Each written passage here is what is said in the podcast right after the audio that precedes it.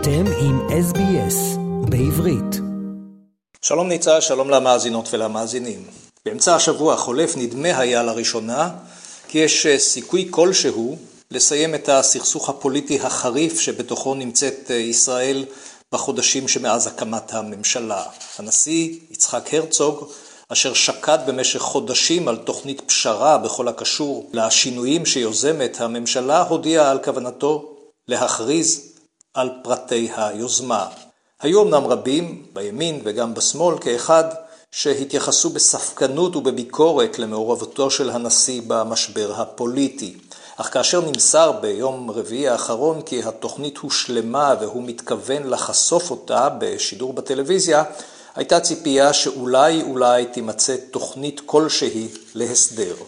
הרצוג לא הספיק לסיים את נאומו לאומה, וכבר ברור היה כי שום פתרון לא נמצא והמשבר רק מחריף.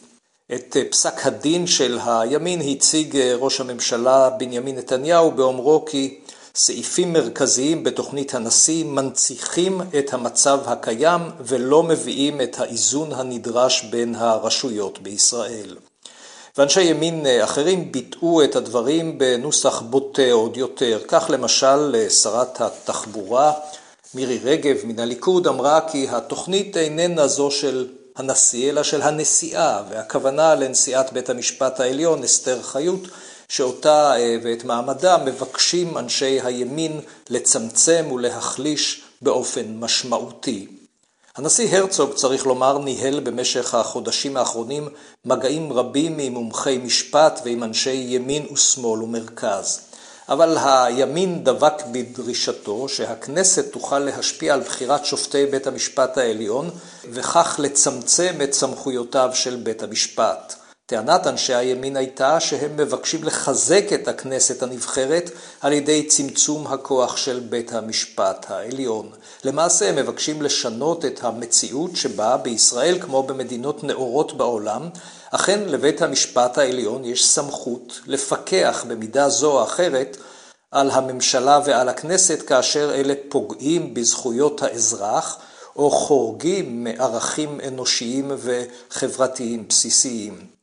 שהרי גם הממשלה וגם הכנסת חייבים להיות תחת ביקורת כלשהי, כזו שתשמר את הערכים הבסיסיים ותבטיח את האיזונים והבלמים החיוניים כל כך לשלטון נאור. הודעת נתניהו שממשלתו דוחה את הצעתו של הנשיא הרצוג החריפה עד מאוד את המחלוקת בציבור הישראלי. היא גם הגבירה את פעילותם של ארגוני המחאה ההולכים ומתעצמים משבוע לשבוע. ארגונים אלה יוזמים מדי שבוע מהלכים חדשים המיועדים לתת תהודה חזקה יותר למחאה על רקע המאמץ לשמור על הדמוקרטיה הישראלית. כך לדוגמה, כאשר ביום רביעי יצא בנימין נתניהו לביקור קצר בגרמניה, חיכו לו בנמל התעופה בן גוריון אלפי מפגינים.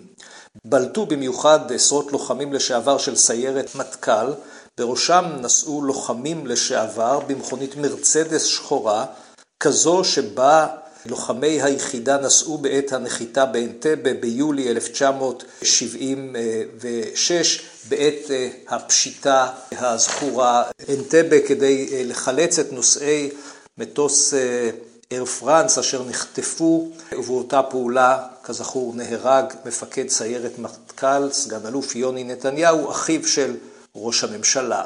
גם במוצאי שבת אמש היו עשרות אלפים ברחובות תל אביב ובכל הארץ, מניפים את דגלי המדינה ומוחים על ניסיונה המתמשך של הקואליציה לשבש את ערכי הדמוקרטיה הישראלית. ולא רק בישראל נמשך, נמשכת הפעילות הזו, מרכיב מרכזי בלחצים של המתנגדים מכוון לגורמים בינלאומיים שונים. כך למשל, נגיד בנק ישראל, פרופסור אמיר ירון, בחר להביע את דעתו על הסכנה הטמונה במהלכי הממשלה לכלכלת ישראל בריאיון ברשת CNN האמריקאית. ובמקביל נערכו הפגנות של ישראלים ושל תומכי ישראל בלונדון ובפריז, בניו יורק ובערים נוספות. ואם נחזור לישראל, מי שהיה עד לפני כשנה יושב ראש הוועדה לאנרגיה אטומית, זאב שניר, הציג את חרדותיו העמוקות באשר לדמוקרטיה הישראלית בריאיון מקיף בידיעות אחרונות. שניר, אשר לא התראיין במשך, מאז ומעולם לדבריו, אמר בריאיון כי המהפך הפוליטי שיוזמת עכשיו הממשלה עלול לסכן את המשך קיומה של מדינת ישראל, לא פחות. בזמן שאיראן מתקדמת במהירות ומקדמת את הנשק הגרעיני שלה ומעשירה את האורניום עוד ועוד, אצלנו עוסקים בהעברת חוקים שישנו את המשטר. בריאיון הארוך והמקיף מזכיר שניר בין היתר כי היכולות הצבאיות של מדינת ישראל תלויות באופן חד משמעי בארצות הברית, באספקת ציוד צבאי וגם בהגנה מדינית, וזה יכול להישחק עכשיו. זוהי כאמור אמירה חמורה במיוחד מפי מי שמילא תפקיד רגיש ביותר במדינת ישראל בכל הקשור למערכות גרעיניות. אין מדובר רק בדברים שהוא אומר, אלא גם דברים שמתחילים אולי להתרחש ביחסי ארצות הברית וישראל. עובדה היא שהבית הלבן נמנע מלהזמין את בנימין נתניהו לוושינגטון, למרות שהוא מבקש זאת מאז שהוקמה ממשלתו. ואם נחזור למתרחש בכנסת, מתברר שגם בליכוד יש כבר מי שמבינים את חומרת המצב. כך למשל, יושב ראש ועדת הכלכלה, איש הליכוד, דוד ביטן, כבר השמיע בפומבי דרישה לשר המשפטים, יריב לוין, למתן את המהלכים הפוגעים בבית המשפט העליון. וישנם עוד בכירים בליכוד הסבורים שנתניהו נסחף רחוק מדי על ידי הקיצוני לוין, ועליו לפעול עכשיו להגעה לפשרה כלשהי. עד כאן פוליטיקה. עוד עניין אחד העומד על סדר היום בימים האלה, לאחר יומיים של צנזורה, הותר לפרסם באמצע השבוע את הפרטים על אירוע ביטחוני חמור. מתברר כי מחבל שנכנס לשטח ישראל מלבנון, נשא עמו מטען נפץ מסוכן במיוחד שהופעל סמוך למגידו בעמק יזרעאל. אזרח ישראלי שנסע באזור נפצע בפיגוע הזה, והמחבל עשה את דרכו חזרה ללבנון ונהרג רק כאשר היה קרוב לגבול לבנון. זה היה אירוע ביטחוני יוצא דופן ומדאיג, בעיקר בשעה שמערכת הביטחון נערכת בכוחות מוגברים לקראת הרמדאן שיחל בקרוב. החשש הוא שחומרי נפץ נוספים עלולים להיות מוחדרים לישראל ולגרום לפיגועים נוספים. נקווה שהחג המוסלמי הזה יעבור בשקט, ועוד יותר מכך שממשלת נתניהו תמצא את הדרך לפשרה שתמנע פגיעה בדמוקרטיה הישראלית ותחזיר את המדינה סוף סוף לשגרה הראויה.